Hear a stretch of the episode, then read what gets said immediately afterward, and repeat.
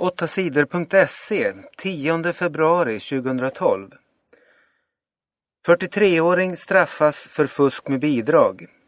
En 43-årig man dömdes på torsdagen till fängelse för bidragsfusk.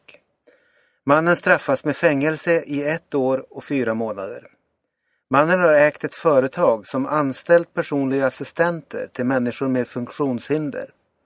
Mannen har struntat i att betala skatt och har lurat åt sig mer än 50 miljoner kronor. De pengarna har han satt in i banker i andra länder.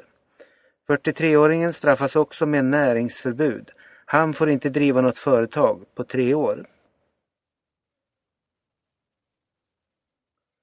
Folk i Homs är rädda för en stor attack. Människor i staden Homs i Syrien lever i skräck. Den senaste veckan har granater regnat över staden. Flera hundra människor har dödats. Det här är katastrof. Raketer är fruktansvärda, de dödar barnen. Vi ber världen om hjälp, säger Omar Shaker i Homs. På torsdagen samlades många stridsvagnar runt Homs. Många människor är rädda för att regeringens soldater planerar en stor avgörande attack mot rebellerna i staden. Grekland går med på nytt sparpaket. På torsdagen kom ett viktigt besked från den grekiska regeringen. Den säger ja till de sparkrav som EU och IMF har ställt för att ge Grekland ett nytt nödlån. Det grekiska parlamentet kan troligen rösta ja till sparpaketet på söndag.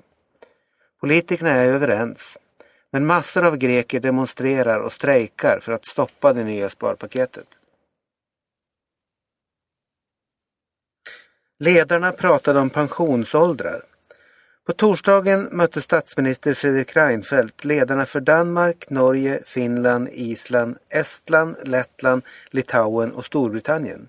De skulle prata om hur ekonomin kan bli bättre. De pratade om hur man kan få fler kvinnor att starta företag. I Lettland och Litauen är fyra av tio företagare kvinnor. I resten av EU har tre av tio kvinnor företag. De pratade också om höjd pensionsålder. Fredrik Reinfeldt vill att svenskarna ska jobba längre för att kunna klara sig på sina pensionspengar. Han vill att Sverige ska lära sig av Norge och Island. Där får man gå i pension vid 62 års ålder, men får jobba hur länge man vill och orkar. Ju senare man går i pension i de länderna, desto mer pensionspengar får man varje månad. Minister vill stoppa telefonavtal. Många företag har telefonförsäljare som ringer hem till folk och säljer varor. Till exempel ett mobiltelefonabonnemang.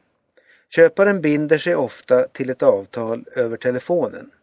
Det betyder att köparen inte kan ångra sig om den till exempel vill ha abonnemanget under kortare tid.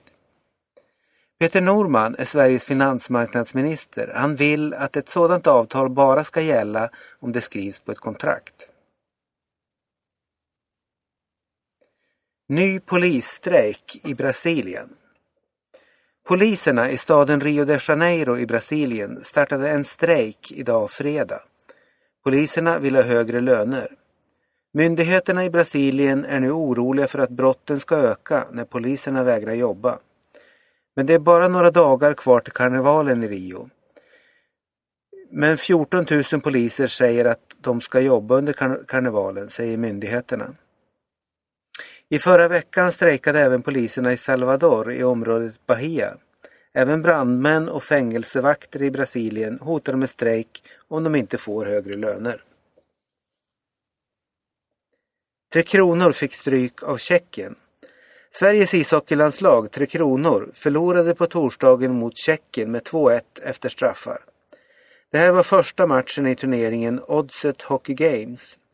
Tre Kronor spelade mycket bra i matchens två första perioder. Men trots ett stort övertag gjorde Sverige bara ett mål. I den tredje perioden var Tjeckien bäst och då kom också målet som gav 1-1. Efter en förlängning utan mål vann Tjeckien straffläggningen. 30 dödade av giftig sprit. Minst 30 människor i östra delen av Indien har dött sedan de druckit giftig sprit. Den hemgjorda spriten har sålts i området Orissa nära staden Kontak. Många fler har druckit av den giftiga spriten. Omkring 60 personer vårdas på sjukhus för allvarliga skador.